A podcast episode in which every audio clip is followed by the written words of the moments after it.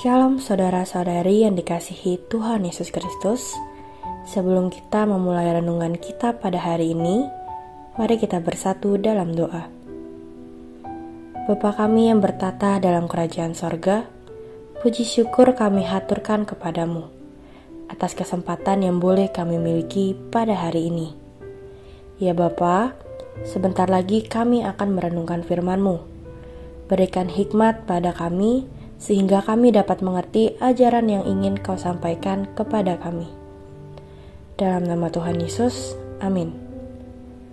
Bahan renungan kita hari ini terambil dari kitab Lukas ayat 8 pasal 22 sampai 28 dengan judul Seberapa percayakah kamu? Lalu katanya kepada mereka, "Di manakah kepercayaanmu?"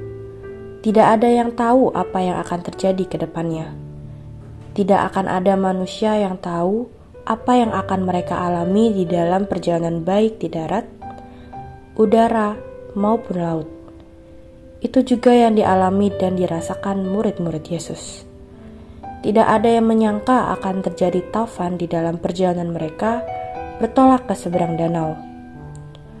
Lalu pertanyaannya, sudah seberapa yakin dan berserahkah kita kepada Tuhan? Sudah seberapa percaya kita akan penyertaan Tuhan? Peristiwa yang terjadi dengan murid-murid Yesus menjadi renungan kita bersama, mengingatkan kepada kita pentingnya kita percaya dan yakin kepada Tuhan. Seringkali sebagai orang percaya, kita sudah berdoa dan menyerahkan perjalanan hidup dan aktivitas kita kepada Tuhan. Tetapi di tengah aktivitas dan perjalanan hidup kita, tidak jarang kita lupa kalau Tuhan bersama dengan kita. Ketika ada masalah, kita menjadi seperti murid-murid Yesus yang sedang mengalami taufan. Kita ketakutan. Pertanyaan Yesus kepada murid-muridnya seharusnya menjadi pengingat bagi kita. Yesus juga mengajukan pertanyaan serupa kepada kita saat ini di manakah kepercayaanmu kepadaku? Pada hidup pasti akan berlalu. Taufan masalah akan segera lenyap. Hidupmu akan baik-baik saja.